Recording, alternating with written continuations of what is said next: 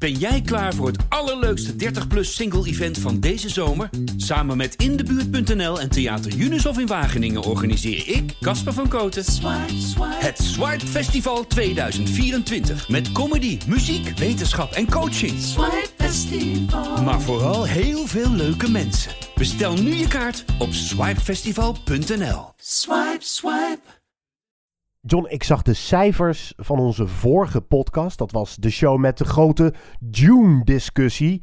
En die waren indrukwekkend te noemen. Daar was ik heel erg blij mee. Jij ongetwijfeld ook. Maar ik vraag me wel af hoeveel van die luisteraars luisteren ook momenteel naar deze aflevering. Want uh, we hebben nogal wat. Nou ja, haatmail gaat misschien wat ver. Maar we hebben flink op onze lazen gekregen. Want we hadden June veel en veel beter moeten vinden, geloof ik. Ja, wij kregen kritiek omdat wij te kritisch waren. Maar bijvoorbeeld ook. Ja, dan moeten jullie de boeken maar gelezen hebben. En dan, ja, hallo, ik ben al überhaupt niet zo van het boeken lezen. En ik kijk gemiddeld drie films per dag. Dus waar moet ik die tijd vandaan halen?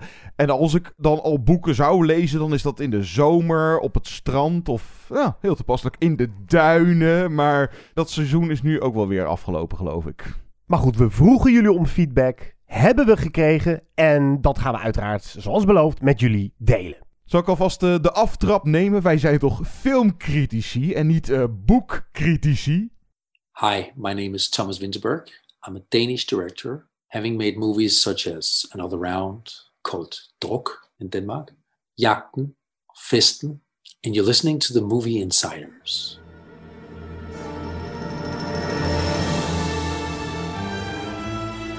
Good evening, ladies and gentlemen. We are tonight's entertainment. Movie Insiders. They're here. Why should I waste my time listening? Because I have a right to be. Uh, I have a voice. Groovy. Hallo allemaal, welkom bij Movie Insiders, de wekelijkse filmpodcast van het AD, die je ook treft op platforms als Spotify en Apple Music. Mijn naam is Guido. En mijn naam is John. Vind ons op social media platforms als Twitter, @movieinsight, Facebook, Instagram. En je kan met ons mailen, movieinsiderspodcast.gmail.com. Deze podcast doen we I Care A Lot met Rosamund Pike als een ongelofelijke fakes, maar... Wat, ja, wat doet ze nou? nou? Dat hoor je straks wel allemaal. Ja, het aftroggelen van bejaarden. Ben je dan een fakes? ja, dan ben je wel ja, een fakes. Ja, inderdaad. En het Canadese Kwessipan over twee vriendinnen die opgroeiden in een Inuit, of Inu heet dat daar, reservaat. En nou, die langzaamaan uit elkaar groeien. Oh ja, en daarom hebben we een top 5 bedacht. Acteerprestaties door amateurs.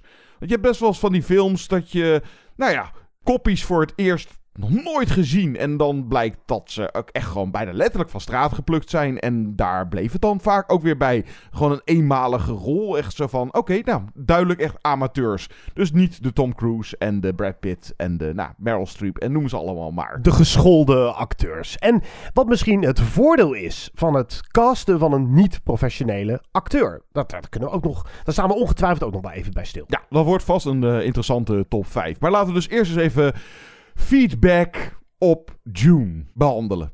Ja, we hebben aardig wat reacties gekregen. Ook mensen die ik persoonlijk ken via app waren boos. En... Ja, jij, was ook veel te, jij was veel te negatief en veel te kritisch eigenlijk. Het, uh, ik had misschien wat meer tijdens onze bespreking in de verdediging moeten schieten. Ik was... ja maar dit is al een verdediging. Ja. Je bent je nu al aan het indekken. Nou, ik, ik was wat milder. De mooiste feedback die ik kreeg via Twitter was iemand die zei... Jij hebt echt de slechtste receptie ooit geschreven. De slechtste receptie? Ja. Anyway, daar ben ik me niet op ingegaan. Goed, een mailtje van onder meer Ivar. Zijn mail is erg mooi en erg lang, maar misschien te lang om hier helemaal voor te lezen. Laten we er wat passages uitpakken. Beste Guido en John, of moet ik in dit specifieke geval Stedler en Waldorf zeggen? Met veel plezier luister ik over het algemeen jullie podcast. Dat is al zo'n voorbode. Oh oh. oh, oh. Leuk om met jullie kennis en achtergrond de verdieping op te zoeken in slash over films. Zo vond ik bijvoorbeeld het interview met Thomas Winterberg van veel toegevoegde waarde voor Droek Another Round. Donderdag zag ik de nieuwe podcast online met de review van June. Omdat ik hem zelf nog moest zien, heb ik gewacht met het beluisteren van de podcast tot na de film. Gisteren was het zover en eerlijk gezegd was ik nogal verbaasd over jullie review. Het leek wel of bij elke uitspraak van Guido John hem negatief overtoepte, waarna Guido er weer een schepje bovenop deed. Vandaar mijn verwijzing naar het illustere Muppets duo Stellar Waldorf. Ja, inderdaad, wat ik zei van... Ik was eigenlijk niet eens zo heel erg negatief over June, maar... Je laat je zo makkelijk inpakken door Nou mij, ja, dat als is je het. inderdaad eh, bepaalde factoren van zo'n film... En nou ja, daar zaten we ongeveer wel op hetzelfde... Hè, eh, beide audiovisueel is het inderdaad overdonderend. Volgens mij waren we allebei best wel te spreken over het acteerwerk. Maar daar waar jij een issue had met... Nou ja, vooral dus... eh, Denk script technisch, de toon van de film... En daar had ik inderdaad... Als ik al iets van moeite met de film had, was het ook exact dat. En dan had ik mis... Ja, dat is dan, dan lastig om die film te gaan zitten verdedigen... als ik me grotendeels aansluit bij waar jij heel negatief over... Maar dat, is dan, ja. maar dat is dan een wijze les voor jou, John. Want dan moet je daar tegen ingaan. Dan... Ja, maar dat, dat, dat, dat is lastig als, dat, eh, als ik daar zelf ook niet heel positief over ben. Nee, dan word je makkelijker meegenomen in de maalstroom van mijn negativiteit. Nou, nog even verder met de mail. Want laten we eerlijk zijn, alleen al de poging, schrijft dus Ivar van Denis Villeneuve. Dat is de regisseur en een van de scenaristen van de film. Om dit niet te verfilmen tussen aanhalingstekens boek te vertalen naar het grote doek, verdient al meer credits. Over smaak valt natuurlijk te twisten. Nou, dan zeg ik altijd op mijn beurt: over smaak moet zoveel mogelijk worden getwist, Ivar. Maar goed. Maar ik vond een aantal observaties en kritieken wel echt de plank misslaan. De film zou saai zijn. Villeneuve heeft er wijzelijk voor gekozen om één lijn uit te werken, die van de familie Artredes. Wat volgens mij een hele goede keuze is geweest om de enorme complexiteit van het boek te vermijden. Artredes vertegenwoordigt zo de rest van alle families die onder het keizerrijk vallen. Ja, dat is een Hmm. interessant punt. Maar ja, daar heb je dus alleen wat aan als je de boeken gelezen hebt. En nogmaals, wij zijn niet bekend met het bronmateriaal. Het oorspronkelijke bronmateriaal. We hebben wel de Dune uit 1984 van David Lynch gezien. Wat Ivar dus eigenlijk schrijft is... Hallo, eh, het is al vereenvoudigd. Ja, misschien wel. En inderdaad, eh, de focus ligt wel echt op de familie Atreides. En ja, saai, nou ja, mm, eh, soms, de momentjes. eh, de, de film over zich heel genomen vond ik niet zozeer saai. Ik vond het vooral meer stroef. En het vermakelijke aspect van de film, of de de toegankelijkheid heeft het volgens mij zo ook over. Ik ga even door. Er zou te weinig emotionele diepgang zijn. Zoals ik al zei, je moet in dit geval keuzes maken. En het is natuurlijk gods onmogelijk om en het verhaal te vertellen en meerdere karakters uit te werken. Is dat onmogelijk? Eh, Oké. Dat vraag ik mij Eh, af, ja. ja, ik vond het daarnaast sterk dat de obligate massale gevechtsscènes tot een minimum beperkt werden. Ja, oké, dat, dat, dat, dat vond ik ook wel op zich. eh, het zet, hij ging niet voor de. Nee, dat zegt hij zelf hier. Bijvoorbeeld Christopher Nolan aan het einde van Tenet. Denis Villeneuve is geen Christopher Nolan. Hij, gaat niet, hij pakt niet uit met. Nou, wel bombastisch qua. eh, hoe zeg je dat? Eh, visueel vooral. Maar niet. We zetten vol op de actie in. Want dat had hij voor deze dus ook kunnen doen. Maar dan was het meer een actiespektakel geworden. En dat had misschien voor dit bronmateriaal ook weer niet gepast. Nou wat ik volgens mij vorige podcast ook al zei. Van, het had mij desnoods wat abstracter nog gekund. Ja, maar is dat een verdediging van de film? Want er zou te weinig emotionele diepgang zijn. Nou, ik heb het niet gevoeld. Mijn grootste probleem met June ja. is dat ik niet gegrepen werd door dit verhaal en deze karakters. Ik wil, als ik een film heb gezien, wil ik naar huis met deze personages en wil ik nadenken over bepaalde thema's die worden aangesneden. En ik vraag het eigenlijk aan iedereen die de film goed vond. Heb jij, of kan je mij een scène noemen, of een zinsnede, of een stuk dialoog, of een sequentie die je altijd zal bijblijven? En dan moeten veel mensen mij het antwoord toch schuldig blijven. En dat is mijn probleem met June. Ik stond erbij en ik keek ernaar. Het zag er prachtig uit, maar het zijn nogal staccato teksten die worden uitgesproken.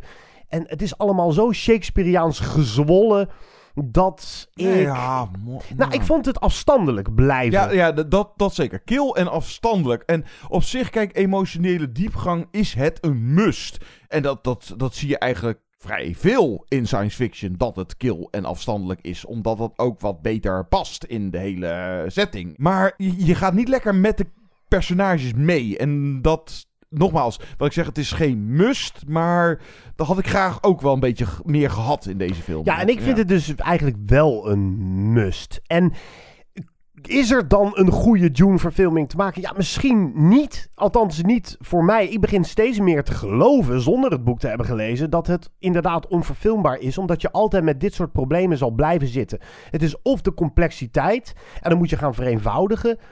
En dan verlies je veel.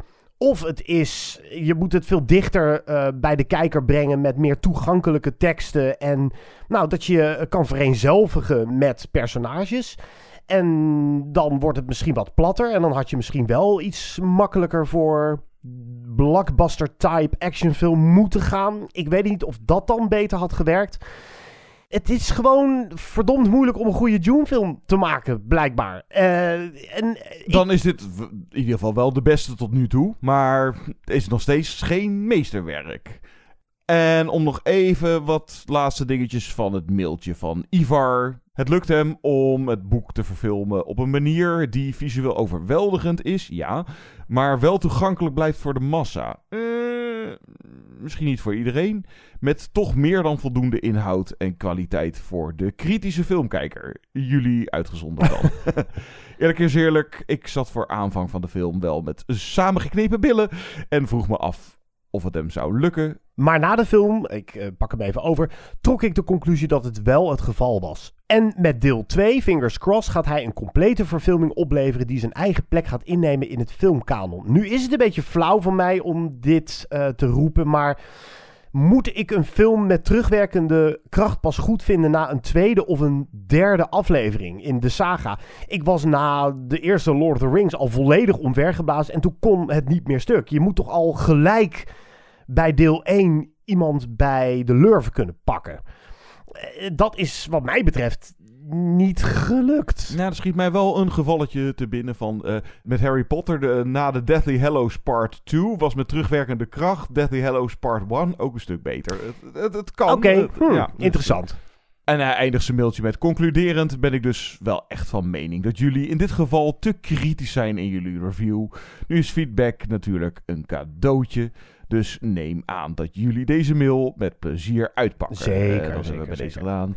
Ja, dat je de moeite neemt om zo in de pen te klimmen, eh, dat, dat stellen wij zeer op prijs. En laat ik dat, het, het is misschien een inkoppertje om te zeggen, maar laat ik dat zeker gezegd hebben. Ik ben jaloers op iedereen die de film wel geweldig vond. Ik had hem ook echt heel graag goed gevonden. We zijn geen types die het leuk vinden om een film waarvan we weten dat het gros ervan gaat smullen, om daar eventjes eh, de boel plat te walsen. Absoluut niet. Dat vind ik heerlijk. nee, een geintje. Nee, ja, volgens mij... Nou, jij hebt af en toe wel een klein beetje een handje van, John. Maar goed, Daar, dat daar is, ben, daar ben je veel snop voor. misschien wel. Nee, maar ik, ik- je mag mij er altijd op pakken. Als je dat idee krijgt, dan eh, eh, zeg het me. En dan wil ik me gerust verdedigen. Maar dat, daar wil ik echt niet aan meedoen. Want ik ken critici die inderdaad daar wel een handje van hebben. Ja, ik had deze ook zo graag gaver gevonden. Nou vind ik hem... eh, nou, laat ik het houden op een, eh, een 7. Ik vind hem eh, zeker ruim voldoende. Het is een gave film. en ik zou hem zo dus nog een keertje in de bioscoop gaan kijken. Want als je momenteel iets in de bioscoop op een groot scherm... Dan heb ik nog maar een keertje gezegd. Dan is het June. Ja, maar er zaten ook vooral mailtjes tussen van bijvoorbeeld Michael die zegt... Heren, het blijkt wel dat jullie de Dune-boeken niet hebben gelezen. Lees deze eerst en kom dan terug op de film.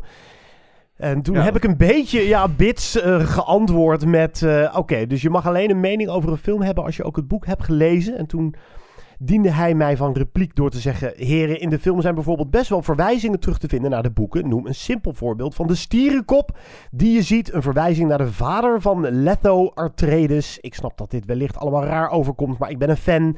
Heb de twee filmversies en miniseries ook gezien. Het is gewoon gaaf dat er zoveel info voorhanden is. Voornamelijk de geweldige boeken van Frank Herbert en Brian Herbert. Nou, eh, hoe dan ook. Het, het mogen duidelijk zijn dat er meer dan ik dacht mensen zijn die echt bezeten zijn van het bronmateriaal.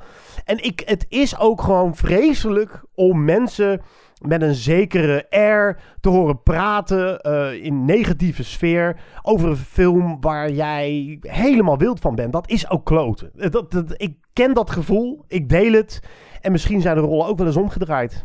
Lang leven het filmdebat roepen wij hier altijd in Movie Insiders. Dus keep them coming, those emails, folks. Yes. Bijvoorbeeld naar aanleiding van, nou, welke films gaan we het, uh, deze podcast ook weer over hebben? Oh ja, uh, Kwessipan uit Canada en dan daarop volgend een top 5 acteerprestaties door amateurs. Maar we gaan beginnen met... Een inktzwarte comedy? Ja, of thriller. Rosamund Pike, die we kennen uit Gone Girl, speelt de hoofdrol in I Care A Lot. Good morning, Miss Peterson. I'm sorry to disturb you so early. The court has ruled that you require assistance in taking care of yourself. I'm fine. I'm afraid it's not up to you to decide. The court has appointed me to be your legal guardian. What? You have to come with me. And remember, I'm here to help. My name is Marla Grayson. I'm just someone who cares. Marla Grayson, you've had amazing success. What's your secret? There is no secret, Peter. She forces them into the home, auctions off their house, and uses the proceeds to pay herself. Because caring is my job. Bitch! I will grab your dick and balls, and I will rip them clean off. We zullen niet spoileren, maar zoals we wel vaker roepen. En bij zo'n film als deze ook weer aan de orde. Ga er zo blanco mogelijk in. Dan is die wel het leukst. Ja, mocht je de trailer ook echt heel bewust hebben vermeden. dan moet je misschien deze recensie nog even overslaan. Maar ik denk dat we veel van de verrassingen wel echt intact laten hoor. De succesvolle Marla Grayson, Rosamund Pike, is een curator, wettelijke voogd voor bejaarden die zelf niet meer in staat zijn hun financiën te beheren. Maar ze heeft niet bepaald het beste met ze voor, want ze runt een slimme zwendel waarmee ze de wet in haar voordeel en het nadeel van haar klanten weet te gebruiken. Fijn om tweevoudig Oscar-winnares Diane Wiest weer eens te zien als het ogenschijnlijk perfecte nieuwe slachtoffer Jennifer Peterson. Maar die blijkt niet wie ze lijkt als een door Peter Dinklage uit Game of Thrones gespeeld maffiafiguur zich met de situatie bemoeit in de thriller en of zwarte comedy I Care A Lot. Guido, moet je van zwarte humor houden om hier mogelijk het meest van te genieten? Hmm, vind ik een interessante vraag. Ik denk dat er heel veel mensen zullen zijn die er niet om kunnen lachen en het er niet in zien, maar toch een hele interessante kijkervaring hebben. Want wat doet I Care A Lot? En dat zie je tegenwoordig niet zo heel vaak meer. Je kijkt naar onsympathieke mensen. Eigenlijk alleen maar onsympathieke alleen maar mensen. Vreselijke figuren. Die onsympathieke dingen doen. En dan is er een interessante psychologische werking gaande volgens mij. Dat je nu eenmaal als filmkijker altijd zoekt naar iets of iemand in een film om je aan vast te klampen. Waar je mee kan vereenzelvigen. Die jouw gids is door deze wereld. En als jouw gids door deze wereld een takkenwijf is, zoals Marla, dan ben je eigenlijk al gelijk soort van, van streek. Wat moet ik nou doen? En het knappe van I Care A Lot is, is dat er altijd nog meer vreselijke types bestaan dan Marla. En als je dat ziet, dan ben je geneigd om toch enigszins op te komen voor Marla. Of in ieder geval, je wil toch nog zien dat zij het gaat redden of zo. Terwijl zij... Dat had ik niet. Nee, dat had jij niet? Nee, ik zat, ik zat al heel erg zo van... Ja, dit Is dat een probleem trouwens? Uh, misschien. Dat zal heel erg per kijker verschillen. Maar ik zat al heel erg van... Je hebt hier inderdaad alleen maar noem het even foute figuren. Of in ieder geval eh, geen enkel personage op, op, een bijrolletje na of iets waar je sympathie voor zou kunnen hebben. En is het daardoor bijna onmogelijk om een kant te kiezen. En ja, die valse fakes van een Marla. Nou, als ik een kant zou moeten kiezen, dan was ik bijna nog wel voor. Ja, you don't fuck with the mafia. Uh, Rosamund Pike, die Marla, dat is inderdaad wel echt. Zo, het, het, is ook de manier. sowieso speelt ze het heerlijk. Met die, die, die constante fake glimlach. Ik kreeg echt vanaf het begin af aan had ik echt een bloedhekel aan dat wijf. En dat is in de loop van de film is dat niet veranderd. Oké, nou wat ik wel aardig vind, wat jij net zegt, die nep glimlach van haar alles is nep aan haar. Het is één grote show die zij, of een, rookgordijn dat ze opwerpt. En de film doet daar ook in visuele stijl aan mee door de kleuren extra dik aan te zetten en er een gelicht sfeertje aan te geven, waardoor we helemaal in dat wereldje van Marla zitten. En zij doet iets wat ook echt bestaat natuurlijk. Ik bedoel, mensen worden opgelicht bij de vleet. En er zijn geen makkelijkere slachtoffers te vinden dan bejaarden. En dat is Die heel, ook heel een triest. beetje de weg kwijt zijn. Dat- Ja, zeker. En, maar toch, ik, ik vroeg me ook af in hoeverre de regisseur het erom doet. Nou ja, dat heb ik hem uiteindelijk kunnen vragen. Want ik sprak de regisseur Jay Blakeson. En die zei, ja, ik hoop eigenlijk stiekem dat mensen... En daar, nou, ik trapte in die kuil. In die valkuil moet ik zeggen.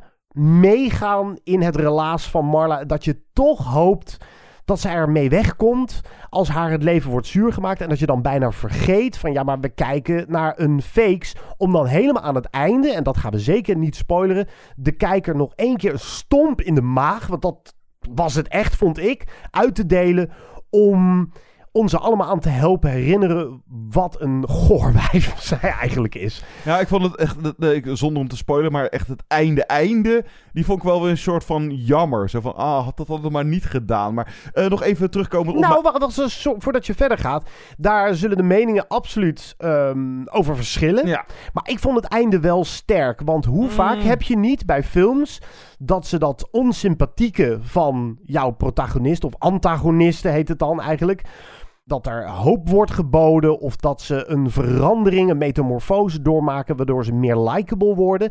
Deze film houdt dat onsympathieke de hele speelduur vol, om dan vervolgens nou ja, toch nog een laatste kopstoot uit te delen. Waardoor je voornamelijk ook gaat nadenken over. Zij is ook maar het poppetje. Weet je, niet dat Marla het vergeven moet worden wat ze doet. Maar er zit wel een systeem achter. En het is niet zozeer dat we onze pijlen moeten richten op mensen als Marla.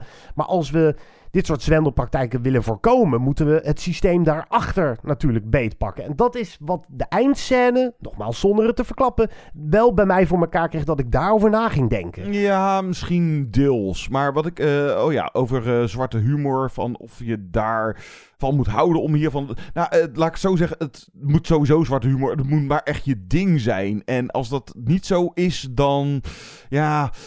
Nou, je, zou deze film ook wel als thriller kunnen kijken. Maar ik denk dat je eh, de meeste lol misschien je ook aanbeleeft als eh, zwarte comedy. Hoewel ik wel moet zeggen dat de balans van deze regisseur en scriptcijfer is niet altijd geslaagd. Sommige momenten is die weer net iets te ja, serieus. Ik had dat, dat lekkere zwart-komische toontje. Maar er zit... eh, Vond je zo lekker en wilde je doorgevoerd ja, worden? nog meer of zo. En dan dingen die eruit kan halen als eh, kritiek op, nou, zeker het zorgsysteem in Amerika. Of zeker ook over kapitalisme. Het zit er allemaal eh, zeker in. En die Marla's heeft dan een partner in haar werk. Wat ook nog de partner is buitenwerk, Fran. En dan, ja, hoe ze dit eh, geregeld heeft. Nou, ze heeft een bevriende arts. En dan de directeur van een verzorgingstehuis. En die, die doen mee, zeg maar, in haar zwendel. En dan is er een meegaande rechter. Die het vaak allemaal wel in haar voordeel. En eigenlijk heeft zij een soort van geoliede machine. om die hulpeloze oudjes af te persen. Want daar komt het gewoon op neer. En het gave van dit verhaal en deze film vond ik vooral... Oeps! Wat zij in eerste instantie wordt toegeschoven als een cherry. Van dit is, eh, dit is echt een makkelijk slachtoffer. En hi- hier valt echt enorme centen te halen. Want ze heeft ook geen eh, directe familie meer. En nou, de- deze moet je hebben. En dan blijkt... Oh oh. En, en het eh, interessante wel is dat zij... Het zit in Marla's karakter om dan extra hard juist in de tegenaanval te gaan. Omdat zij echt is van, nou ook een beetje de American Dream. En zij wil gewoon winnen. En wat doet ze dan bijvoorbeeld? Die arme, nou ja, is het is niet helemaal, maar die arme bejaarde vrouw. Dus extra veel medicatie eh, moet erin. En Ze, weet eh, haar, eh, ja, ze, ze wordt gevangen gehouden in dat eh, verzorgingstehuis. En die bezoekjes die ze dan ook aan haar pleegt. En al, snel van, ja, wie ben jij? Wie, wie, wie ben jij? Wat gebeurt er? Nou En- ja, je had het net over de partner van Marla. En dat is een van de redenen waarom ik denk ik in die valkuil stapte. Want die twee hebben een mooie relatie. Die liefde is heel echt. En daar krijg je ook best wel veel van te zien. Waardoor ik ze toch echt als mensen van vlees en bloed ging zien. En waardoor ik toch iets te makkelijk, nou ja, niet voor haar ging juichen, maar wel benieuwd was naar of zij ermee weg zou komen. Hetzelfde eh, fenomeen als naar een heistfilm kijken. De bankovervallers zijn eigenlijk de bad guys. Maar je wil graag dat ze die bank overvallen. En je bent benieuwd hoe ze dat voor elkaar krijgen. Hoe slim zijn ze? Of zijn ze slim genoeg om anderen te slim af te zijn? Of zoiets. En daar was ik dan nieuwsgierig. Komt ze ermee weg en hoe dan? Daarbij is, komt ook kijken dat je hm, toch een beetje verlekkerd ook zit te kijken. Want ja, het is een akelige fakes, maar het is ook lekker om te kijken naar een akelige fakes. Waarom vind, heb, heb je daar nog over nagedacht? Waarom vinden we het zo fijn om een slechterik aan het werk te zien in een film? En dat had ik hier ook wel een beetje. En misschien heeft dat toch ook te maken met dat zij ook ze, ze is gewoon goed in haar werk. En daar, daar krijg je toch een soort van waardering nog bijna voor. Hoe vals het ook is. wel, ja. en het is een mooie vrouw. En ze is geslepen. En ik ken ook types die best heel geslepen zijn. En precies weten wat ze tegen je moeten zeggen om je in te kunnen pakken. En eigenlijk zijn wij de slappelingen die nooit eens doorvragen van... ehm, ja, maar wat doe je dan voor werk? Maar hoe werkt dat dan? Wat, wat doe je dan precies? Hoe verdien je nou eigenlijk echt je geld?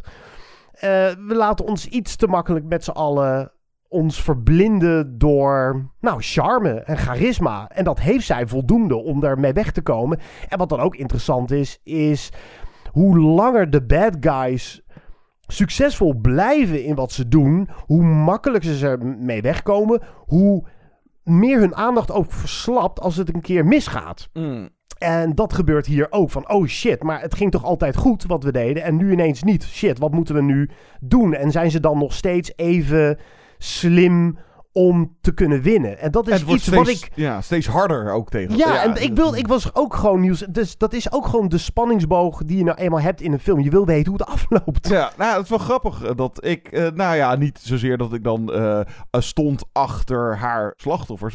Maar ik, ik zat wel iets meer tijdens deze film van Get the Bitch. Maar wat gaaf is om ook te zien is dat je bij, nou, laten we zeggen, zo goed als iedereen de- van deze acteurs, dat je op de een of andere manier, je, je, je- ziet dat ze genieten van eh, deze rollen. Ze hebben gewoon heerlijke rollen en heerlijke personages waarschijnlijk om te spelen. Ja, Rosamund Pike ja. is echt fantastisch. Ze doet eigenlijk hetzelfde als wat ze een beetje deed. Of een variant erop van Gone Girl. Deels, ja. Ja, Ja, ja. van en, Peter. Dinklage, die we dus kennen uit eh, Game of Thrones vooral. Tyrion Lannister. Die zie je, ja, die, die eh, is volgens mij ook dol op dit. En de, ja, Diane Weiss. Oh, die, die, die scènes met haar zijn echt Ja, maar het, het is wel zo dat Pieter Dinklage is fantastisch. En hij is ook altijd aan het eten of drinken. Dat nonchalante van hem. Hij is alleen wel veel meer dan Marla een echt filmpersonage. Ja, iets, iets meer karikatuur. Ja. Iets meer een karikatuur en ook een beetje een domme gangster. Als hij echt een hele goede gangster was geweest, dan had hij al honderdduizend keer eerder met Marla kunnen afrekenen. Waardoor ik ook toch een beetje in het Marla-kamp bleef. Snap je wat ik bedoel? En dus dat zal volgens mij allemaal toch bewust zijn gedaan. Maar die werking kan voor iedereen helemaal anders uitpakken. Ja, dat is, verder zitten er wat dingetjes in waarbij je denkt van, nou ja, had dat achterwege gelaten, zoals een voice-over, die nou, amper, Oh ja, hmm. amper aanwezig, maar aan het begin en aan het einde. En nou, daarnaast is hij, eh, hij is gewoon goed gemaakt en lekker cynisch. Of misschien, ja, misschien op sommige momenten is hij mogelijk ook een beetje te cynisch. Of, Ja, maar ik vind het dus wel te prijzen aan een film die echt een beetje, nou, zeker de slotscène, verraadt hoe kwaad deze filmmaker ook echt is. Dus je mag een tijdje smullen van de wanpraktijken van Marla. Maar aan het einde eh, laat hij je wel herinneren aan het feit... jongens, hier, hier moeten we eigenlijk echt kwaad om zijn. Vergeet dat niet. Fijn dat jullie hebben gesmuld. Maar ik laat jullie achter met een rotgevoel... zodat ik wel mijn statement voldoende over kan brengen. Dat compromisloze vond ik er wel lekker aan. En dat zie je ook niet zo heel vaak, nogmaals. Dit is een film die niet afwijkt van het pad dat in het begin wordt ingezet. Ja, maar ik twijfel heel erg of het gros van de mensen dat wat de regisseur er dus, nou, laten we even waarschijnlijk grotendeels mee wil aanstippen, of die dat er ook allemaal uitfilteren. Ik denk van wel vanwege dat plotselinge botte einde. Maar oordeel vooral zelf. Dit is zo'n film waar je het heerlijk met elkaar over oneens kan zijn of een goed debat over kan voeren. Verpakt als entertainment. Zoals Jay Blakeson tegen mij zei, ja, dat is de beste manier om je statement goed te verpakken. Zoals Mary Poppins het al zei, a spoonful of sugar helps the medicine go down. I used to be like you. Thinking that working hard and playing fair would lead to success and happiness. It doesn't. Playing fair is a joke invented by rich people to keep the rest of us poor.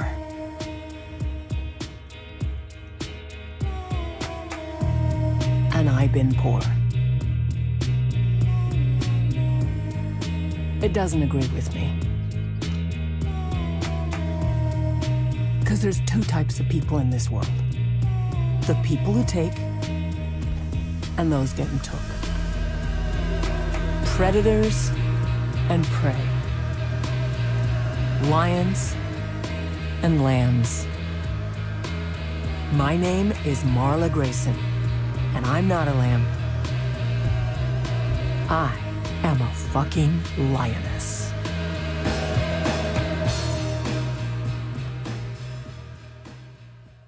Blijf luisteren, zo nog een bespreking van het Canadese Kwesipan. En een top 5. Acteerprestaties door amateurs. Eerst ter overbrugging een kort stukje van de score van I Care A Lot. Het cynische toontje van de film is uh, daarin uh, ook uh, mooi aanwezig van componist Mark Cannon.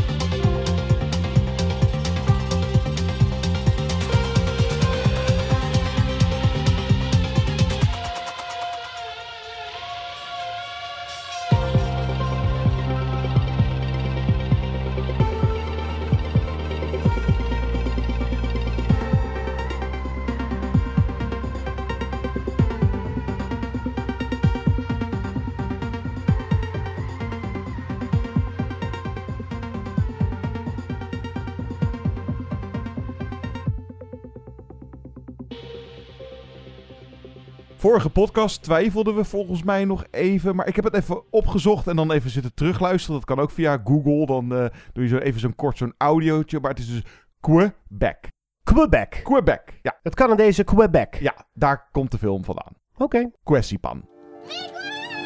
Ici, on dit Inuit Chiwan. Ça veut dire mon ami. Mais moi, je t'appelle Neshim, comme une sœur. Pensais-tu que j'allais mettre du Cashton? Ben quoi? C'est bon, ce Cashton? C'est qui, lui? Un gars mon atelier. Un blanc? Ouh, un blanc. On dirait que t'as plus de fierté. Raciste, là, il me connaît mieux que toutes vos autres! Si tout le monde, là, fait comme toi, on serait plus là. Kwesipan draait om twee meisjes van de Inuit-stam of Inu-stam die in Quebec opgroeien als beste vriendinnen. Terwijl Mikuan een liefhebbende familie heeft en bestemd is voor een veelbelovend leven buiten haar geboortestad.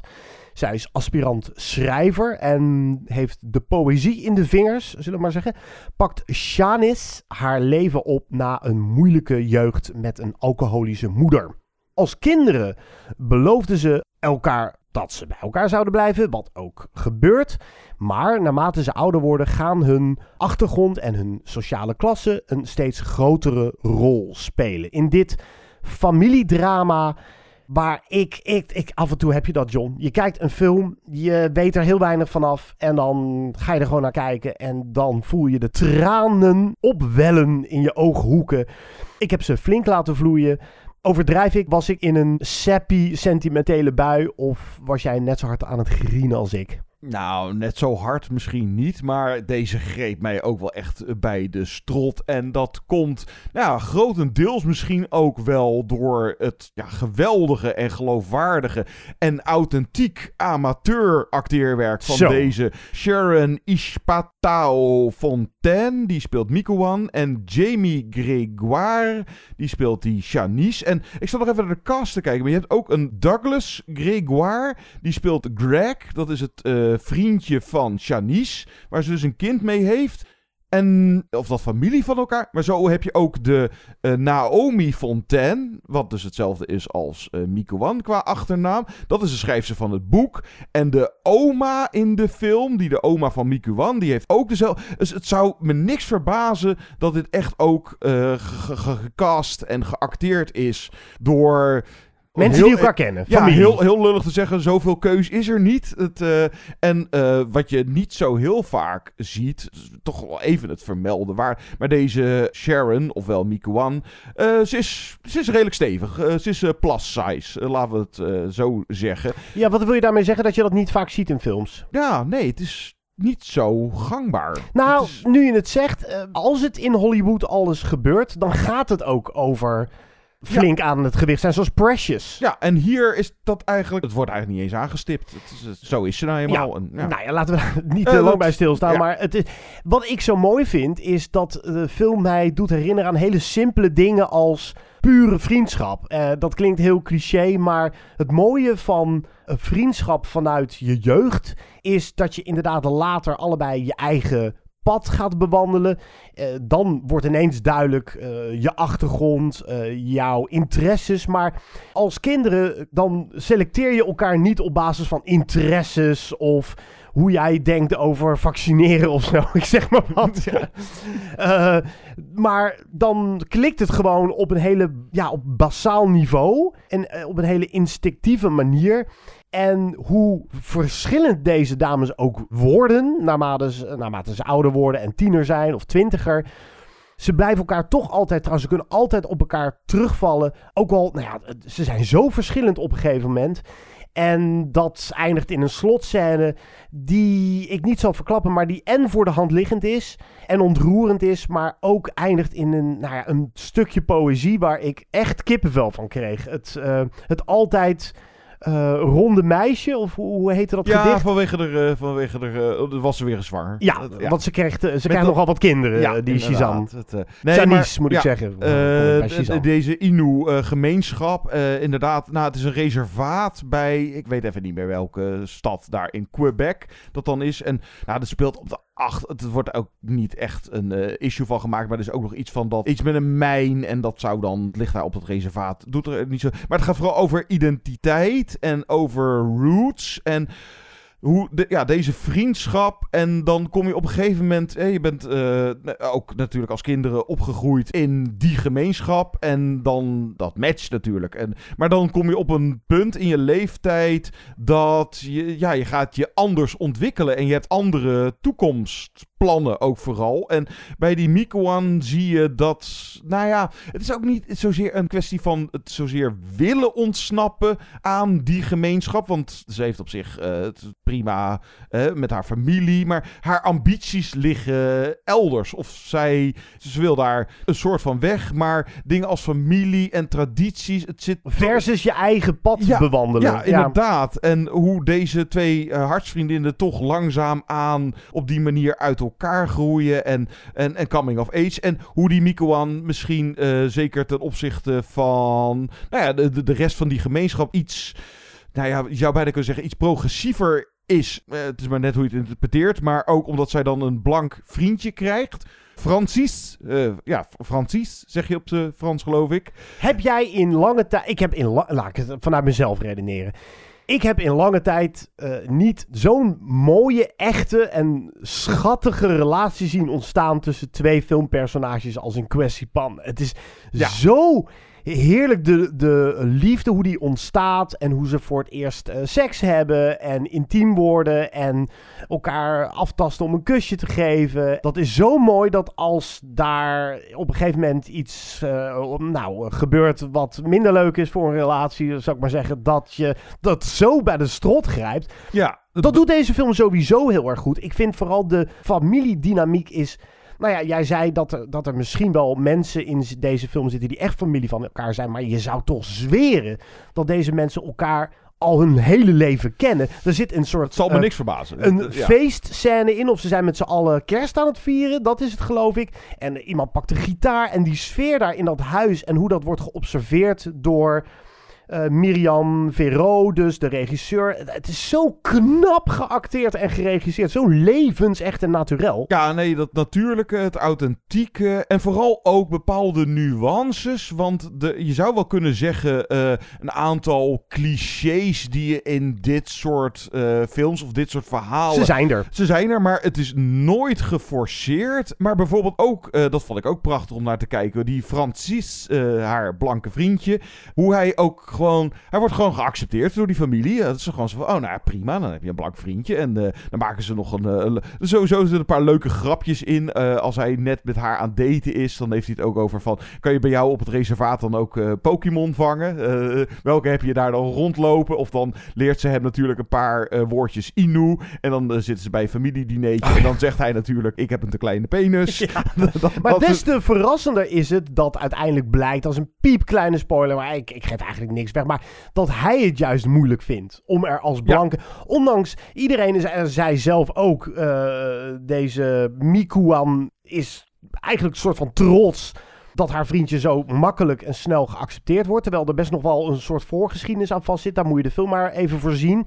Maar dat hij degene is die het er moeilijk mee heeft dat hij in een andere cultuur terechtkomt. Ja. En maar een beetje om zich heen kijkt en er toch niet helemaal lekker tussen kan blenden of zo. Ja, er wordt tijdens de, de, film nooit te veel echt een, een issue van gemaakt. Wat je vaker in dit soort verhalen ziet van... Maar je onderschat het. het. Ja, of de, de, de twee uh, niet matchende culturen. En daar wordt te veel de nadruk op gelegd. Maar er zitten nog meer van dat soort nuances in. Dus bijvoorbeeld die Greg, dat is dan de vriend van uh, Shanice. Waar ze dan een... Uh, uh, sowieso was ze tienermoeder. Uh, was er al jong bij. En die hebben samen een jong dochtertje. En sowieso, die gast heeft een kort lontje. Hij is een beetje de, de lul uh, vriendje wat er ook een keer een, een klap verkoopt. Maar ook dat wordt weer genuanceerd door dingen als omstandigheden die meespelen. En het blijkt toch ook niet zo'n ongelofelijke lul nou, te zijn. Dat is nou typisch iets wat je niet in een Hollywoodfilm zou zien. Mikuan die heeft door dat haar hartsvriendin in elkaar gemet wordt door haar vriendje. We gaan met Mikuan naar dat huis toe. Zij zegt: uh, pak je spullen en uh, we gaan weg hier. En dan gaan de twee dames weg. Uh, het, het slechte vriendje blijft over. Maar de camera blijft in het huis. Waar hij dan plomp verloren, moederziel alleen door zijn hoeven zakt en begint te huilen. Zo'n scène zou je nooit zien. Dat viel me direct op. Dus dan, we mogen ook de pijn zien van de minder sympathieke figuren of ja, zo. Dat, dat vond ik er heel knap aan. Weet je wat ik ook mooi vind? Ik las ook wat recensies van deze film waarin, um, nou ja, mensen hebben moeite met dat we niet zo heel veel leren over de gemeenschap en een traditie en waar ze echt mee worstelen. Nou, ik vind dat het er redelijk in zit. Het is niet, en dat vind ik er juist knap aan en ook wel goed aan, dat het niet een lesje Inuit is.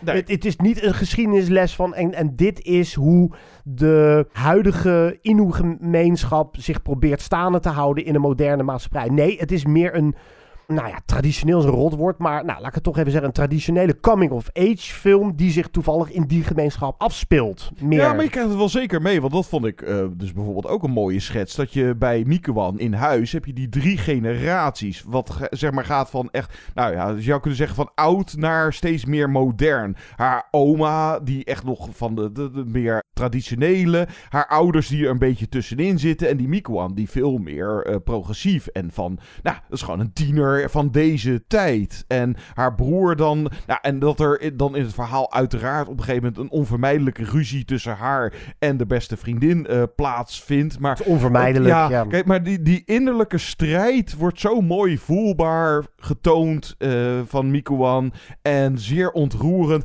En daarnaast, dat viel me ook op dat je, wat je misschien uh, bij dit soort films vaak zou verwachten, maar hier zitten ook geen overdreven mooie Canada-plaatjes in of zo. Nee, nee, dat, dat, reservaat, dat is ook inderdaad niet dat je denkt van, oh wauw, dat, uh, daar zou ik graag willen wonen of zo. Nee, dat, de, de film doet niet aan mooi filmerij. Nee. Nee, nou ja, er zitten niet. zeker mooie shots in. De, deze Miriam Verro debuut trouwens. Uh, Wauw. Maar, maar, ze maakt ja, het niet mooier dan het is. Nee, maar het is wel. Het heeft een bepaalde klasse. En het is heel mooi stijlvol gemaakt. Maar vooral dat echte en oprechte inkijkje. Wat je toch wel een beetje krijgt. En dan als je dat opzij zou leggen, dan heb je nog steeds een mooi en prachtig gespeeld en gemaakt en geschreven verhaal over hoe twee hartsvriendinnen, ja, doordat ze nou eenmaal anders in het leven staan, uit elkaar groeien. En dat zie je mooi in het verloop van deze film. Ja, en soms val je ook gewoon voor een gezicht. Dat heb ik van mensen die ik niet ken, niet professionele acteurs. Dat is alvast een bruggetje aan onze top 5 je stapt niet met een bepaald vooroordeel over iemand een film binnen. Van, oh, daar hebben we weer Tom Cruise. Kijken hoe die deze keer is. In, in dit personage, in, in, deze, in dit poppetje. En Mikuan heeft zo'n gezicht waar je naar blijft kijken. Daar, daar zit zo'n perfecte mengeling in van ambitie. Maar ook dat jeugdige, dat toch ook nog een beetje naïeve en onzekere je wil je over haar ontfermen. Je wil zo graag dat het goed komt met haar. En als haar tegenslag bereikt, dan pakt dat je als kijker zo in. Ik vond alleen al vanwege haar rol deze film de moeite waard. En ik vind eigenlijk is dit ook. Je, je moet geen speciale Oscar in het leven roepen voor niet-professionele acteurs. Dat vind ik bullshit. Die moet je gewoon vol laten meedoen met de echte Oscars. Als je goed genoeg bent, moet je uh, kunnen concurreren met mensen als Tom Cruise. Maar je zou bijna willen dat zij uh, hier een filmprijs voor krijgt. Als steuntje in de rug. Want dit, dit is iets prachtigs. Dit is iets bijzonders. En of casting. Desnoods dan een Oscar voor beste casting. Ja. Je moet maar net die persoon vinden die perfect is voor de rol. En ik las dat er echt iets van 200 of 300 mensen auditie hebben gedaan voor de rol van Mikuan. Nou, dat is echt vertreffelijke keuze om uh, deze actrice, ben haar naam nu alweer kwijt, je hebt haar even genoemd. Sharon Ispatao Fontaine. Nou, onthoud ja, die naam. Ja. Nou ja, dat is nog maar de vraag. Maar daar gaan we het zo in de top 5 uh, dus wel over hebben. Of je dit soort acteurs, actrices, of we die ooit nog eens terugzien. Ik hoop het wel, want zij is fantastisch. Sir. What? Are either one of these any good? I don't watch movies. Well, have you heard anything about either one of them? I find it's best to stay out of other people's affairs. You mean you haven't heard anybody say anything about either one of these? Nope.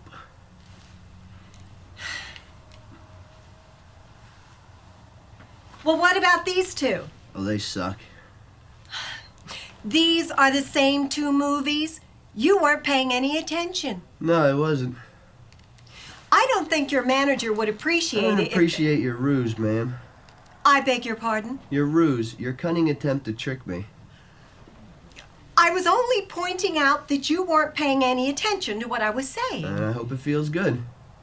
You hope what feels good? I hope it feels so good to be right. There's nothing more exhilarating than pointing out the shortcomings of others, is there? Dat was een clipje uit de film Clerks van Kevin Smith. Waar een vervolg op is geschoten. En waar momenteel nog een derde deel van wordt gemaakt. Die ik geloof dan volgend jaar ergens in de bioscoop moet verschijnen. Niet iedereen zal hem gezien hebben. Het is een wat kleiner filmpje. Maar dit is, dit is zo'n film met nou, amateurs. Mensen die vol slagen onbekend waren toen de film uitkwam. En uitgroeide tot een culthitje. Ja, waaronder Kevin Smith zelf dan ook als uh, Silent Bob. Uh, Jay en Silent Bob. Die uh, zagen we in uh, al zijn latere films ook telkens terugkeren. Maar nou ja, het was de debuutfilm van Kevin Smith. En volgens zeker, geloof ik, bijna iedereen die daarin rondliep, waren uh, amateurs op het moment van schieten. ja, deze top 5. Dus acteerprestaties door amateurs. Ik ben sowieso even niet voor kinderen gegaan. Daar hebben we eerder dit jaar een top 5 gedaan. Acteerprestaties door kinderen.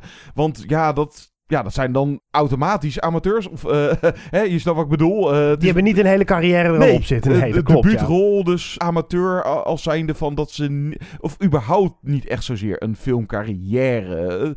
Enkele gevalletje, nou ja, we, we komen er wel uit. Ik geloof het ook wel. Wie uh, trapt af met deze top 5? Zal ik eens beginnen? Ik geef het woord aan jou. Voor mijn nummer 5 gaan we naar Italië. Het neorealisme dat vanaf nou, jaren 40 vorige eeuw. En dat uh, zag je heel veel. Dat matchte natuurlijk ook mooi met die uh, thematiek in die films. Dat amateurs daar het beste mee matchen. Films van Roberto Rossellini, uh, Pasolini. Laat ik deze nog even vermelden van uh, regisseur Ermanno Olmi. Staan er momenteel twee films op Netflix. Zijn Il Posto en ook L'Albero degli Zoccoli. Dat is zijn Gouden Palmwinnaar. Uh, van eind jaren 70, Tree of Wooden Clocks.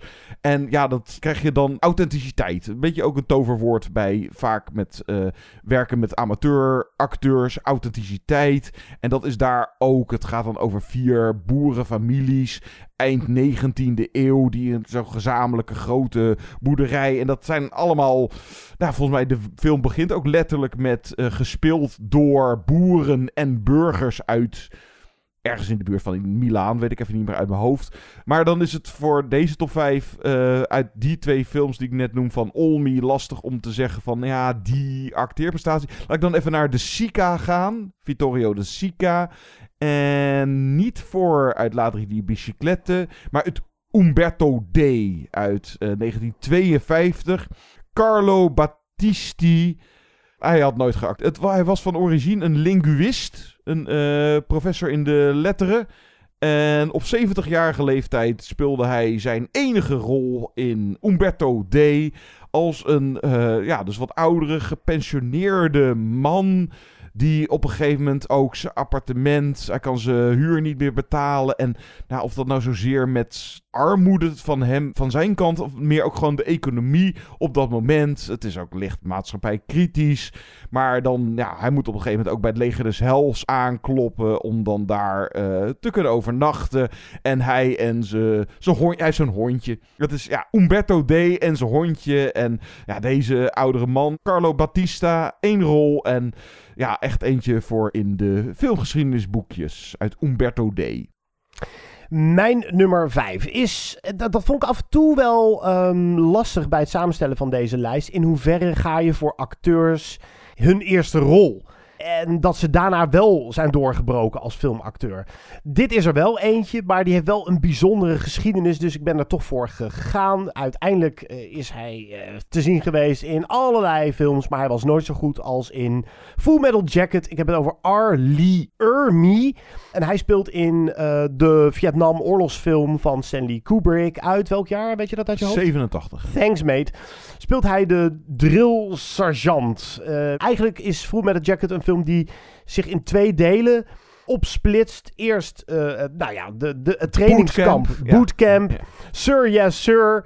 Uh, hoe zo'n drillsergeant ook iedereen namen geeft en hoe hij ze afbeult. En dat we daar met z'n allen ook als kijker een beetje om moeten lachen tot er een hele dramatische wending plaatsvindt. En dan is de tweede helft van Full Metal Jacket speelt zich echt af in het veld. Met die sluipschutter enzovoort. Maar dan verdwijnt deze acteur weer uit beeld. Maar Arlie Ermey is echt zijn ogen knallen bijna uit zijn kassen.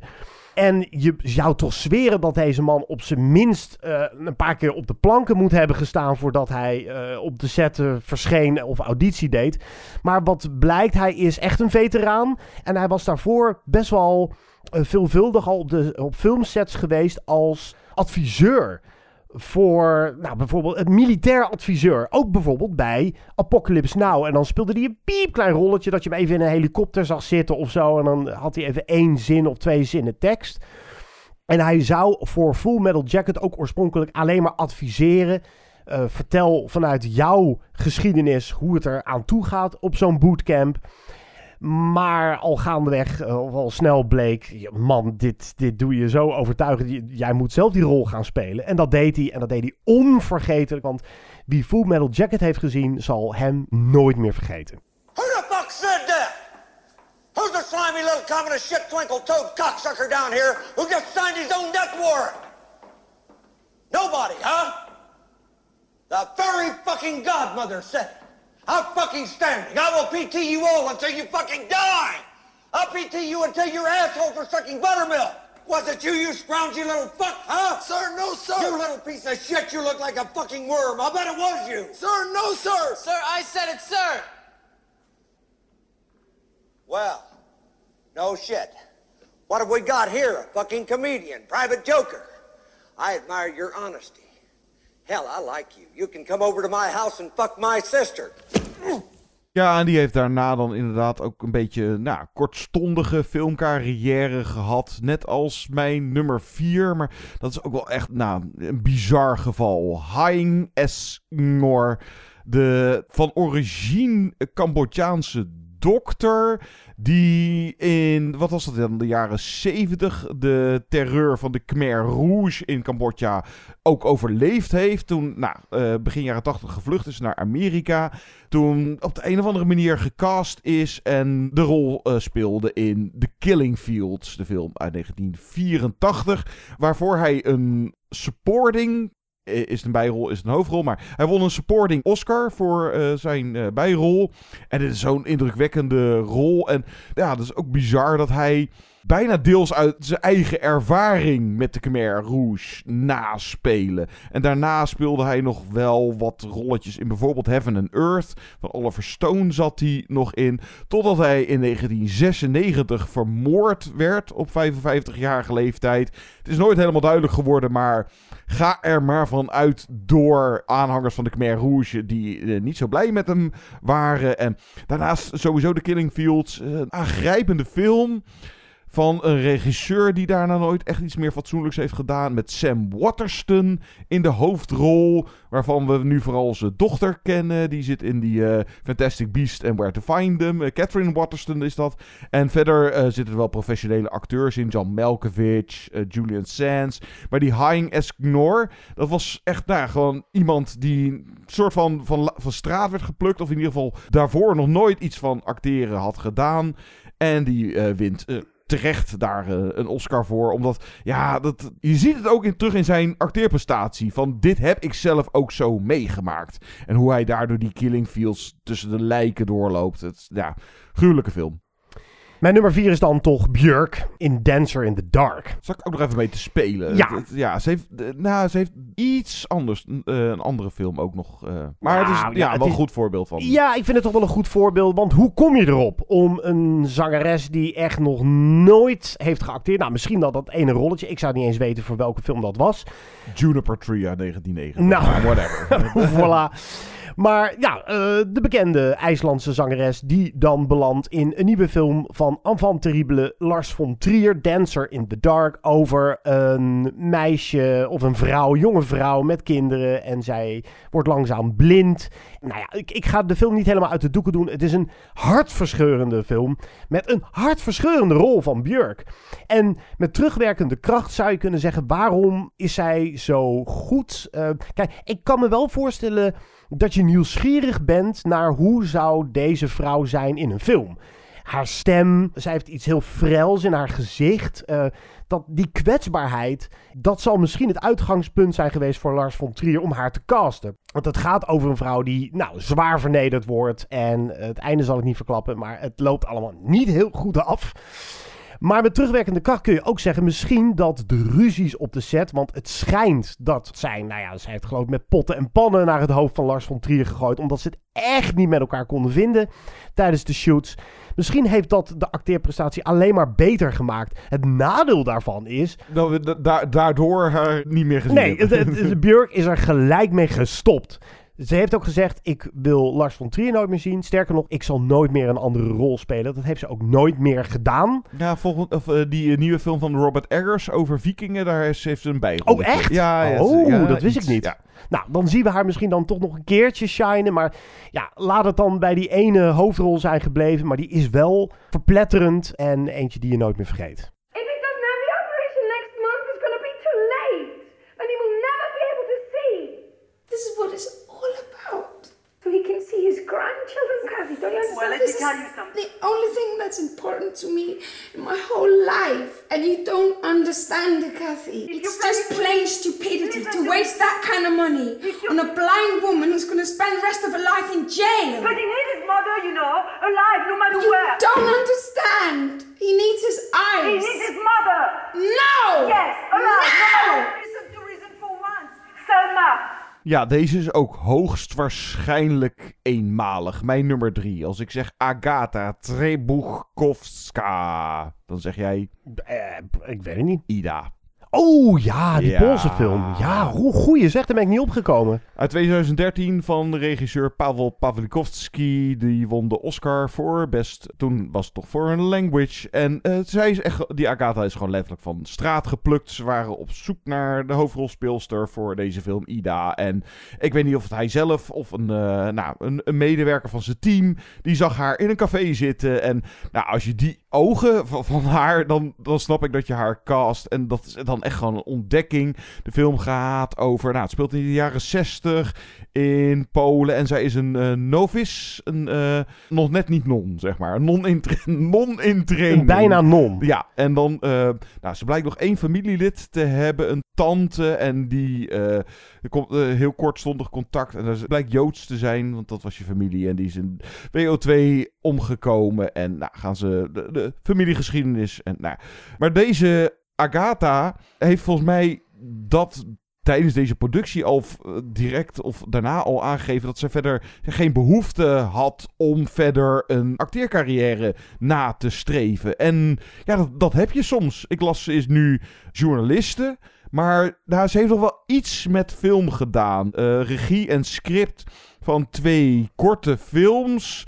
Maar ja, als je mensen Ida gezien hebt, eh, de- de- deze actrice sowieso, die, die ogen van haar, daar, daar kan ik een heel essay over schrijven. Dat, dat, hele mysterieuze en het complexe van het karakter, wat ook alleen al in die, die kijkers van haar eh, zit. En, Ja, de, maar- de camera is echt verliefd op ja, haar. het is echt ongelooflijk. Maar zoiets van, ja, eenmalig. En het is inderdaad ook met dit soort mensen, amateurs, die van straat geplukt worden, gecast worden voor zo'n rol. Daarvoor geprezen worden, prijzen ontvangen. Maar dan is het ook nog maar net aan die persoon. Je moet het ook maar willen, een acteercarrière. Het is, het is ook niet zo van, ja, je moet er ook maar voor kiezen. Ja, exact. Misschien vond ze het wel helemaal niet leuk en heeft ze een Ja. geweldige acteerprestatie neergezet. Maar Volgens mij had ze het, ja, ze had die intentie niet en eh, voet bij stuk gehouden. Zo van, ja, nee, dat is niet aan mij besteed. Ik doe het één keer, omdat eh, deze regisseur, ik vond eerder werk van hem goed en dit is een mooie rol. En daar, eh, nou, ze doet nog wel iets met film, maar die zien we waarschijnlijk nooit meer terug. Dus dan moeten we nog maar een keertje Ida aanzetten.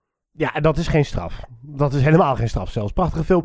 Voor mijn nummer drie gaan we naar een vrouw die ik ook daarna niet meer heb gezien. Maar misschien weet jij het wel of zij daarna nog verder is gaan acteren. Het is Yalitza Aparicio in Roma. Nog niet. Nee, nog niet. Nou ja, eh, Roma is de veelbejubelde film van Alfonso Cuarón, een Mexicaanse regisseur die een, eh, een hele goede Harry Potter film maakte. Misschien wel de beste Harry Potter film, The Prisoner of Azkaban. Maar hij maakte ook eh, Gravity en een paar Mexicaanse films. Maar En Children of Men. Children of Men, oh ja, dat is een hele populaire ook. Maar deze film, Roma, ja, had bijna iets van ja, de, de, de, de, de hoogtijdagen van Fellini of zo. Het was een zwart-wit film. Die speelt zich af in Mexico-stad. En het was van eh, Alfonso Cuarón, de regisseur en de scenarist uit... een ode aan het dienstmeisje dat hij onvoldoende aandacht zou hebben gegeven. Of die eens een keer ook de schijnwerpers in mocht staan. En die levens leiden waar niemand zich om bekommert. En we volgen haar en eh, aan de hand van haar krijgen we ook wat mee over de geschiedenis van Mexico-stad in die tijd dat het zich afspeelt. Ook 70, ja, eh, 70 geloof ja. ik hè. Ja, en zij, is, zij kreeg een Oscar-nominatie en dat is terecht. En toch is zij niet... Ik denk niet dat mensen echt uitgebreid naar Roma gaan nababbelen over hoe briljant zij is. Zij is een soort van zelfsprekend geweldig. En Dat is vooral de kunde ook van Cuarón. Nou, dat is niet alleen de kunde van Coran, maar dat is misschien ook wel wat veel non-professionele acteurs kenmerkt. Ze gaan veel meer, of nou ja, veel meer, soms... Minder acteren. Ze acteren minder, ze staan minder op de acteerstand. Kijk, een acteur die gewoon dit voor zijn professie doet, moet ook scoren. En die moet zijn best doen om te transformeren en de kijker na al veel eerdere rollen, al veel meer rollen te hebben gespeeld, te overtuigen van een nieuw personage. En dat hoeft niet als je een amateur bent. En amateurs, kan ik me ook zo voorstellen, hebben veel minder ego. Zijn eh, misschien veel meer bereid om hun stinkende best te doen. En omdat ze ook de do's en de don'ts van het acteren niet zo doorhebben, gaan ze misschien meer op in het grote geheel. En wordt het daardoor een meer naturel spel. En dat zie je ook bij die Jalitza Aparicio. Die, ja, nou ja, echt. In het voelt ook alsof ze van straat is geplukt. En ze had helemaal niet de ambitie om te acteren. Ze wilde, geloof ik, eh, basisschoollerares worden. Haar zus zou volgens mij de rol spelen. Maar die eh, was op een gegeven moment eh, hoogzwanger. En dat ging niet meer door. En toen zei ze van, joh, anders doe jij toch eh, auditie, weet maar nooit. En Quaron viel als een blok voor haar. En dat leverde een memorabele acteerprestatie op. Schitterend hoe dat gaat. Weg met al die, met, eh, met, met de Meryl Streeps van deze wereld. Ik wil dit ook meer zien. Eh, het, het is... Ik word vaak ook nog wel eens afgeleid door een bekende kop. Van, ah, Ja, daar heb je die heb weer. ik ook weer. ja, Ja. Ja, dat heb ik ook heel erg in Nederlandse films, omdat de pool van acteurs hier veel kleiner is. Dus dan krijg je weer Barry Altsma en dan krijg je weer Vetja van Uwet, hoe goed ze soms ook zijn hoor. Maar ik vind het toch wel een meerwaarde. Ik betrap mezelf als kijker vaak op dat ik makkelijker meega met een personage die wordt gespeeld door een acteur die ik niet ken. Omdat je die direct accepteert als, nou, het karakter wat hij of zij speelt. Ja, dat matcht eh, redelijk met eh, mijn nummer 2, die ik eh, laatst vanwege, nou ja, nog eens een keertje weer aanzet. En dit is inderdaad wel een apart geval hoor, maar je moet er maar opkomen. United 93 van Paul Greengrass uit 2006. Sowieso is het een enorme cast met heel veel personages, maar een deel daarvan speelt zichzelf. Zoals die Ben Sliney, dat was nou, het hoofd van een of andere control center. eh, nou, die de, uiteindelijk de beslissing nam om al het vliegverkeer in Amerika op 9-11, want daar hebben we het natuurlijk over, toen stil te leggen. En zo zijn er nog een aantal andere mensen van het Air Traffic Control, maar ook een paar militairen die dan echt zichzelf spelen.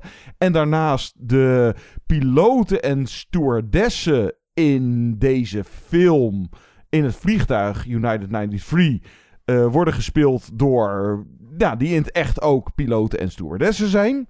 Dat konden niet de personages zelf zijn, want het was een van de vliegtuigen die eh, uiteindelijk Op 9-11. eh, eh, ja, die nou ja, in, een- in een grasveld is beland. Daar ja, maar- volgens mij was het de bedoeling dat ze op de Capitol ja, zouden. en dat is uiteindelijk niet. Ja. gelukt door het verzet van de passagiers. Maar nou, gewoon de authenticiteit, ook grotendeels denk ik, doordat nou, hier de rest is dan gespeeld door, nou ja, op een enkeling na, maar allemaal onbekende acteurs. Het waren er wel die ervaring hadden in, weet ik veel, eh, tv-serie of wel eens een keertje een andere film of zo. Maar dat je bij deze film, en dat is denk ik ook een hele bewuste keuze van scriptschrijver en eh, regisseur Paul Greengrass geweest, om eigenlijk alleen maar acteurs te casten in deze. Ze hebben allemaal kleine rolletjes, maar geen bekende koppen. Waardoor het niet afleidt. Waardoor je niet in dat vliegtuig opeens een Tom Cruise of een Scarjo hebt Ja, zitten. wat ik, wat En- ik net ja. zei in mijn betoog. Ja,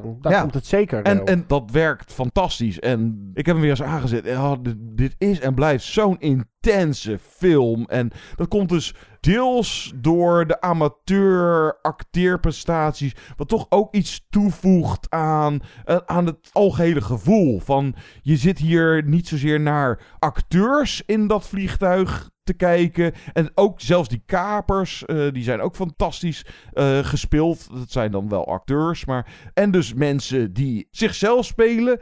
of die een rol spelen vergelijkbaar met wat ze in het echte leven zijn.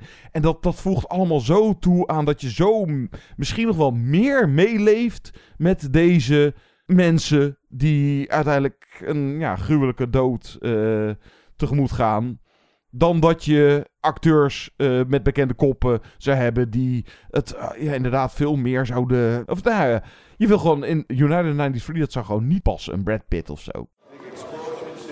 Listen, I'm not, I'm not taking any more chances. We got stuff flying around we have no control over.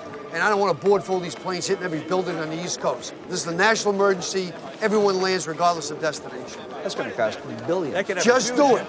We have hundreds of international flights coming in. They're already in the air. No, no, I don't, I don't want any more international flights crossing the borders. And they have to go back where they came from. Nobody's coming into the country from now on. Everyone?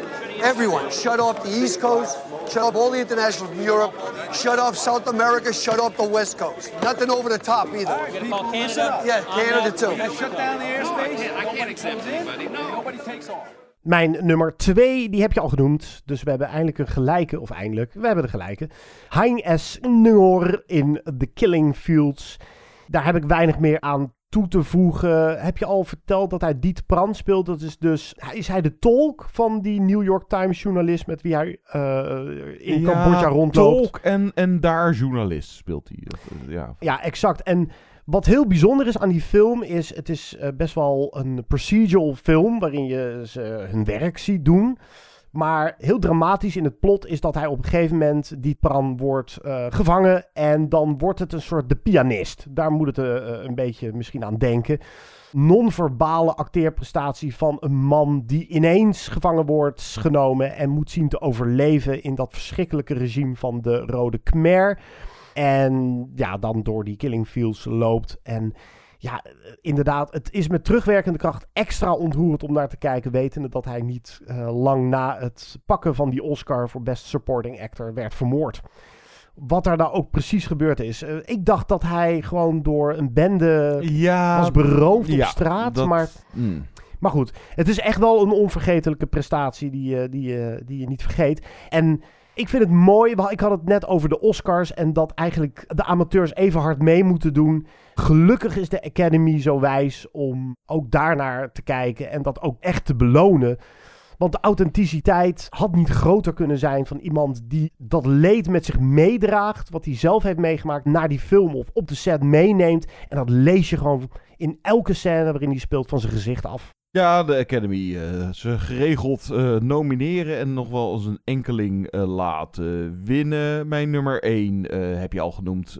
die had een nominatie. En hier vraag ik me inderdaad dus sterk bij af van of we haar verder ook nog gaan zien. Jalitza Aparicio uit Roma. Omdat, nou, en bijvoorbeeld Kwesi Pan, de hoofdrolspeelster, hoe heet ze? Nou, weet ik even niet meer. Maar omdat ze ja, het klinkt heel lullig, maar moeilijk ook te casten zijn. Omdat ze nou eenmaal een bepaald uiterlijk hebben of ras. Er zijn gewoon niet zo heel veel rollen voor beschikbaar. Dus dan vraag ik me serieus af of we nou, ja, haar uit Roma eh, of uit Kwesipan nog een keer gaan terugzien. Want die zal je niet snel in een of andere doorsnee romcom zien. Ja, of een, of een actieblockbuster Ja, of zo. En, en zo is er nog eentje. Dat is, eh, dan gaan we even heel erg terug in de tijd. En die won ook een Oscar. Hij krijgt zelfs nog een speciale Oscar. Maar won ook een Oscar voor beste bijrol. Dat is die Harold Russell. Dat was echt die veteraan die in de Best Years of Our Lives uit 1946. Ja, dat is mijn nummer 1. Oh, jouw nummer 1. Oké, Ja, nou, ja, is precies. eh, wat had ik nog te zeggen over eh Jalitza Aparicio, die Cleo speelt in eh, nou, het prachtige Roma uit 2018 van natuurlijk Afonso Cuarón. Eh, een Netflix-film, die zal er vast nog wel op staan. Tuurlijk ja, staat hij erop. Ja, dat- ja, goede regie van amateurs ook echt belangrijk is. En dat, dat zie je zeker ook in Roma. Waar ook een hoop van de rest van de cast ook nog uit amateurs bestaat. Maar Harold Russell, ja, ja, ja. Ja, die, daar kon ik toch niet omheen. Het is toch mijn nummer 1. En om nou te zeggen, het is een briljante acteerprestatie. Nee, maar ook eh, net als bij die eh Hang, Hein S. Noor in The Killing Fields. Ook deze acteur, tussen aanhalingstekens, nam het zijn eigen persoonlijke leed mee de film in. En dat zie je eraan af. En dat is voldoende om jou alles te laten voelen wat je behoort te voelen in The Best Years of Our Lives. Hij speelt dan Homer Parrish. En ik geloof dat regisseur William Wyler, las ik, die zag hem een keer in een propagandafilmpje of een documentaire of zo. Of een, een voorlichtingsvideo voor het leger, waarin hij geen handen heeft. Eh, hij is een rehabiliterende eh, veteraan. En ja, daar zat hij dan ineens in een all-star cast in The Best Years of Our Lives met onder meer Frederick March. Nou, eh, acteurs voor de, de filmliefhebbers die hun geschiedenis een beetje kennen. Hij is echt de enige amateur in die Ja. film dan. Ja, of de voornaamste. Ja. Ja, een film die echt gaat over een van de beste films misschien wel ooit gemaakt. Over Terugkeren na oorlog. Ja, terugkeren naar oorlog en het leven weer proberen op te pakken. Wel aardig, Harold Russell won een ere-Oscar. Hij was genomineerd voor Best Supporting Actor. Die won die? Ja, maar je maakt het gas voor mijn voeten weg. Want het- de grap is, ze gingen ervan uit dat hij niet won. Dus ze hebben hem bij voorbaat al een ere-Oscar gegeven voor... Ik heb hem even opgeschreven. Bringing Hope and Courage to his fellow veterans. Nou, dat is heel Amerikaans, maar voilà. Maar surprise, hij won toen ook verrassend nog die bijrol-Oscar. En daarmee is hij volgens mij de eerste en enige acteur... die twee Oscars voor dezelfde rol heeft gewonnen. Ja. Heel bijzonder. Hij is echt wel schitterend. En zet hem eens aan. Het blijft een aangrijpende film. The Best Years of Our Lives. Ja, maar duidelijk zo'n voorbeeld van ja, een acteur die je dus daarna... Nee, Je- ja, dan houdt het- ja, die je, je kan hem niet... Ja, hij heeft geen armen. Ja, of, eh, nou ja, goed. Je, dan, dan, dan heeft jouw personage maar geen armen. En eh, Ja. daar protheses voor. Ja, Het kan, misschien ja. is dat de volgende horde die we moeten nemen. Dat is met, met film toch? eh, alles kan. Ja, Dat, eh, ja, helemaal eens. This is when I know I'm helpless. My hands are down there on the bed. I can't put them on again without calling to somebody for help. I can't smoke a cigarette or read a book. If that door should blow shut, I can't open it and get out of this room. I'm as dependent as a baby that doesn't know how to get anything except cry for it. Well, now you know, Wilma. Now you have an idea of what it is. I guess you don't know what to say. It's all right. Go on home. Go away like your family said. Wat eervolle vermeldingen. eh, wat, mijn nummer 1 zat ik in Mexico. Wat dacht je van Stel het Licht? Over die. Mennonietengemeenschap. eh ook alleen maar amateurs. Ja, je hebt gewoon sommige... Nou, in het verleden had je eh, regisseurs als Robert Bresson, de Franse grootmeester. Die had er ook nog wel een handje van om amateurs te casten. En de laatste jaren gebeurt het ook nog steeds wel. Andrea Arnold. Hoe heet zij in Fish Tank? Katie Jarvis? Of Ja. heb je Sasha Lane al gezien in eh, American, American Honey. Ja. Of wat dacht je? eh, nou, daar komen we uit bij Sean Baker. Ja, daar heb ik eh, ook mee geflirt om die mee te nemen. Bria Veniti en Brooklyn Prince.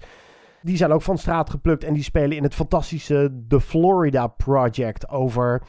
Ja, eigenlijk een eh, ode aan de mensen die eh, zo weinig geld hebben dat ze in motels overnachten en daar proberen zo lang mogelijk eh, te verblijven als woning. En in dit geval, het heet de Florida Project. Ze zitten dan in de Magic Castle, heet dat motel, omdat het op, nou ja, op loopafstand is van Disneyland.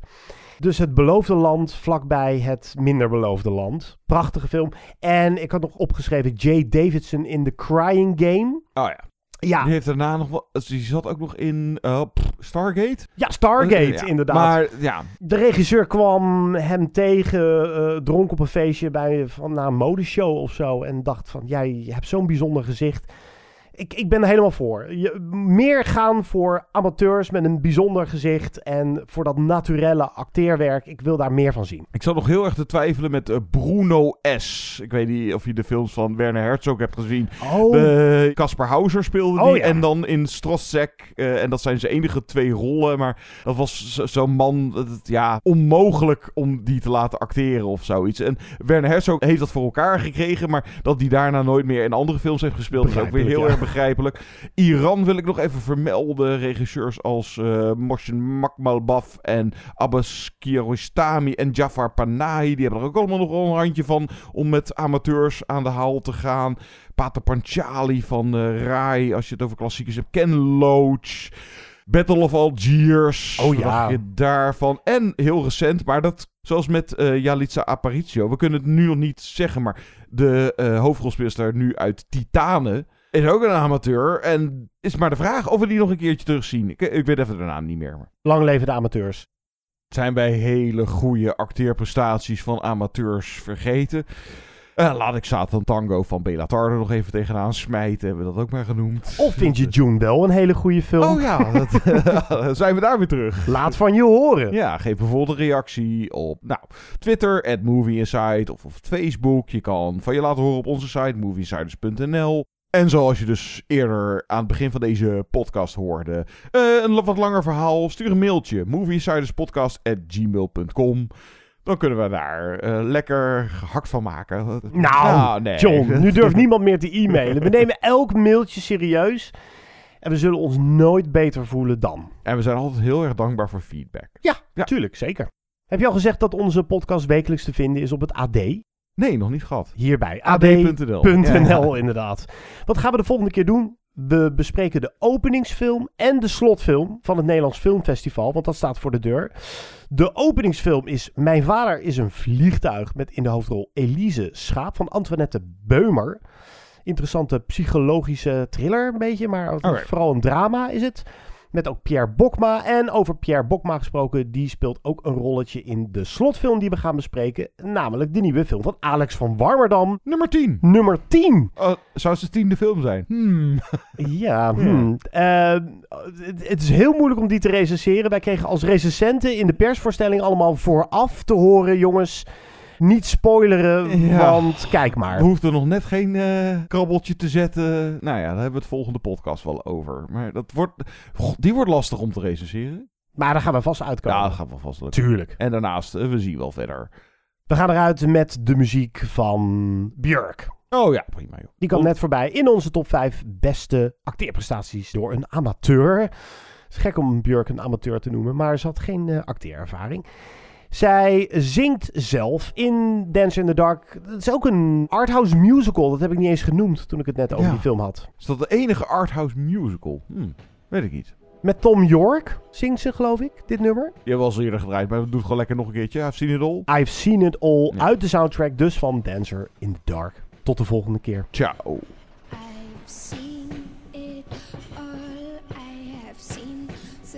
seen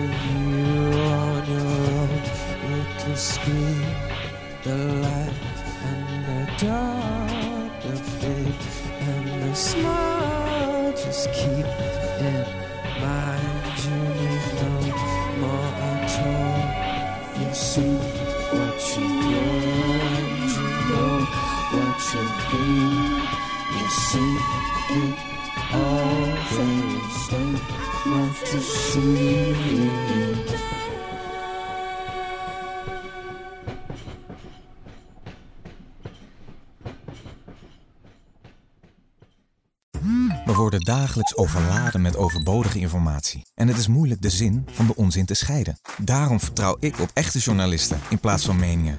Een krantenmens heeft het gemakkelijk. Word ook een krantenmens en lees je favoriete krant nu tot al zes weken gratis. Ga snel naar krant.nl. Bezorging stopt automatisch en op deze actie zijn actievoorwaarden van toepassing. Ben jij klaar voor het allerleukste 30-plus single-event van deze zomer? Samen met Indebuurt.nl en Theater Junushof in Wageningen organiseer ik, Casper van Koten, het Swipe Festival 2024. Met comedy, muziek, wetenschap en coaching. Maar vooral heel veel leuke mensen. Bestel nu je kaart op swipefestival.nl. Swipe, swipe.